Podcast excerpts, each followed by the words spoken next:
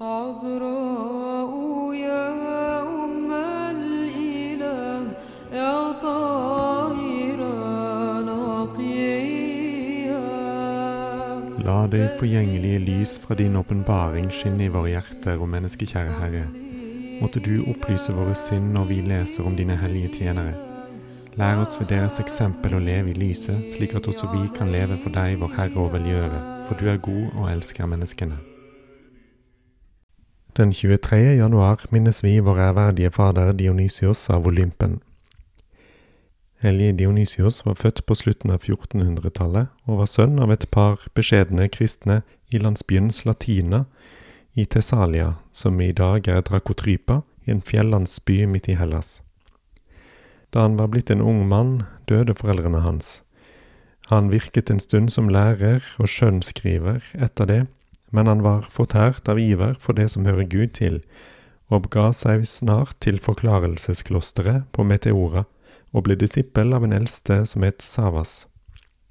Han hadde bare i en kort periode båret klosterdrakten og vært rasoformunk, da han etter å ha hørt rosende omtale av Atos-munkenes hesykastiske liv, om deres askese og bønn, flyktet han uten sin eldstes viten, fordi denne ville holde han tilbake med makt.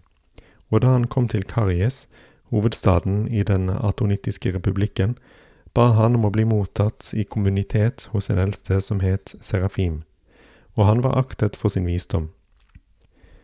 Så ble han først sendt tilbake til verden en tid hos biskopen av Cassandra, inntil han hadde nådd den påkrevde alderen, og så mottok han det englelike skjema av Serafims hånd, som så hans gode egenskaper og snart lot han vie til diakon og siden prest, for å avløse ham selv i den liturgiske tjenesten der. Dionysios ivret for askesen, og hans kjærlighet til bønnen i ensomhet vakte beundring hos alle, unge så vel som gamle. Derfor fikk han tillatelse av sin åndelige far til å reise til et sted ved siden av Caracallo-klosteret, og der øvde han eneboer livets harde kamper. Natt og dag arbeidet han uavlatelig på å få det indre mennesket til å vokse i seg, det som fornyes etter Kristi bilde. Hans mat var lesning av Den hellige skrift og noen kastanjer som fantes i overflod på det stedet, og dette satte ham i stand til å leve fri for bekymring for sitt legemes forpleining. Han holdt ut i tre år med disse kampene, som var de fordoms store asketene verdige.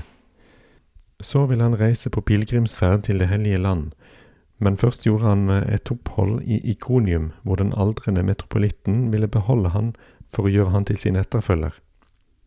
Etter å ha æret de hellige stedene vendte han tilbake til Atos og gikk i gang med å utvide sitt beskjedne kapell, godt hjulpet i sitt arbeid av engler.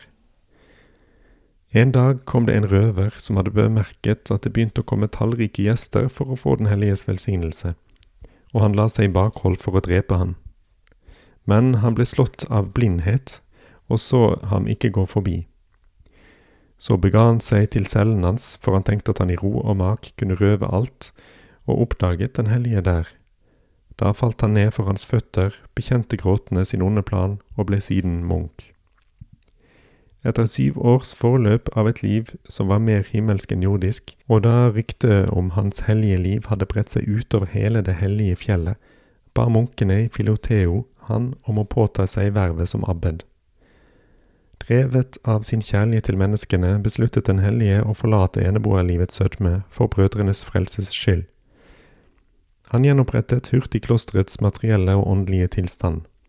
Nytilkomne begynte å strømme til, men visse bulgarske munker, som var misunnelige fordi lederskapet var fratatt dem, ga næring til en sammensvergelse mot ham og gjorde den planen om å gjøre ende på hans dager som leder. Hellige Dionysios ble advaret i tide og flyktet av med noen av sine munker. De innrettet seg på en skita i Berøa, og der var det bare noen få munker som levde med vanskelighet. Også der trakk de dyder og nådegaver som Gud lot stråle i denne hellige, tallrike disipler dit, liksom jern tiltrekkes av en magnet. Han gjenoppbygde Johannes forløperens kirke og omdannet skitaen der til et kønobittisk kloster som var innrettet etter Det hellige fjellets tradisjon. Og han lot andre brødre slå seg ned rundt omkring der, alene eller i små fellesskap, så stedet ble snart en slags monastisk by. Til tross for byggearbeid og bekymringer med den åndelige ledelsen, fortsatte Dionysios på alle punkter sitt asketiske liv, akkurat som han hadde gjort i ørkenen, og spiste bare noen frukter og bare alltid en eneste drakt. Han ba uten opphør, og særlig i nattens stillhet, og til sine arbeider føyde han en grenseløs kjærlighet overfor de ulykkelige som kom for å be om almisser i klosteret. Han delte ut til dem uten baktanke eiendeler, matvarer og klær, idet han overlot til Guds forsyn å sørge for hans kommunitets underhold. Skjønt han var en far for alle, var han også i Kristi etterfølgelse den ydmykeste og gjorde seg til tjener for enhver av sine munker. Hver gang han kunne, reiste han ut i landsbyene i regionen for å undervise om den evangeliske veien og om å overholde Guds bud for det folket som under de mørke tidene ofte var berøvet av den mest grunnleggende kristne oppdragelse. Under alle omstendigheter, om han leste, om han forkynte eller om han ba, så varte det ikke lenge før det sprang tårer i overflod på hans ansikt og førte dem som kom han nær, til å følge han og høre på han som en sann profet fra Gud. Da bispetronen i Berøa hadde stått tomt etter biskopens død, besluttet folk i enstemmighet å velge den hellige munken til hyrde. Dionysios ba først om en utsettelse, og så, da han av Gud hadde fått forvissning om at dette ikke var hans vilje, skjulte han seg og reiste for å søke tilbake til et mer tilbaketrukket oppholdssted. Da han kom til foten av fjellet Olympus, gudenes gamle oppholdssted, innrettet han, som i sannhet var blitt en gud ved Den hellige ånds nåde, seg i en prektig dal som var prydet med majestetiske trær og vannet av rikelige vannkilder. Etter at han en kort tid hadde levd eneboerlivet der, begynte han på samme sted grunnleggelsen av Den hellige trefoldighetskloster for å ta imot de disiplene som kom ilende til ham. Men da regionens tyrkiske stattholder hadde erfart at man hadde gjort denne grunnleggelsen uten hans tillatelse, ble han irritert. Han besluttet derfor at den hellige Dionysios og alle hans munker skulle arresteres og dømmes. Heldigvis var Dionysios blitt advart om faren, og hadde flyktet sammen med sine disipler for å grunnlegge Den hellige trefoldighetskloster i Sorobia på Pilionfjellet istedenfor. I mellomtiden brøt Guds vrede løs mot Olympus-regionen, og landsbyene nær ved klosteret led en forferdelig tørke, og deretter kom det hagl som ødela alle avlingene.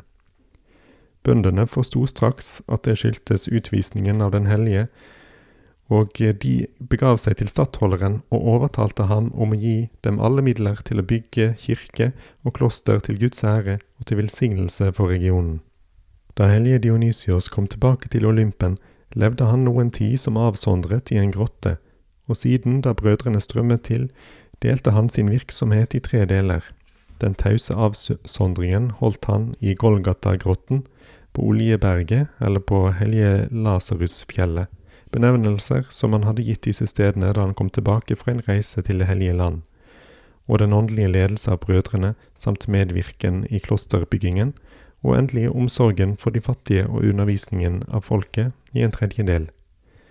Gud skjenket ham i overflod sin nåde, som han deretter utdelte som dens tro husholder. Liksom Moses var han slik i årevis Guds stedfortreder, og irettesatte syndere og ugudelige, og trøstet de prøvede, og helbredet de syke, jagde demonene på dør, han kunne forutsi framtiden, og førte alle dem som betrodde seg til ham, fram mot det himmelske fedreland. Da han snart hadde nådd en framskredet alder, og en dag i januar befant seg på besøk i Dimitriades-klosteret, ble han syk og merket at for han var timen kommet til å forlate denne jorden. Likevel oppnådde han, da han var fortrolig med Gud og Hans hellige, hos gudfødersken en utsettelse, ikke for at han skulle ytterligere nyte denne verden, som han lenge hadde vært død for, men for å få tid til å overlevere til sine disipler en siste lære. Han vendte altså tilbake til Olympen og samlet noen disipler i den grotten som han tidligere hadde bodd i, og anbefalte dem trolig å bevare deres levevis ifølge tradisjonen fra det hellige fjell, og vedbli i broderlig kjærlighet, i fattigdom, lydighet, ydmykhet og bønn for å regnes verdige til himmelen.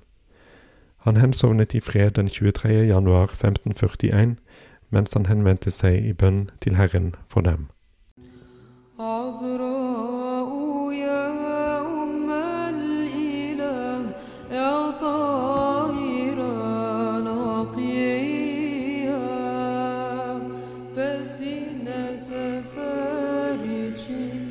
sống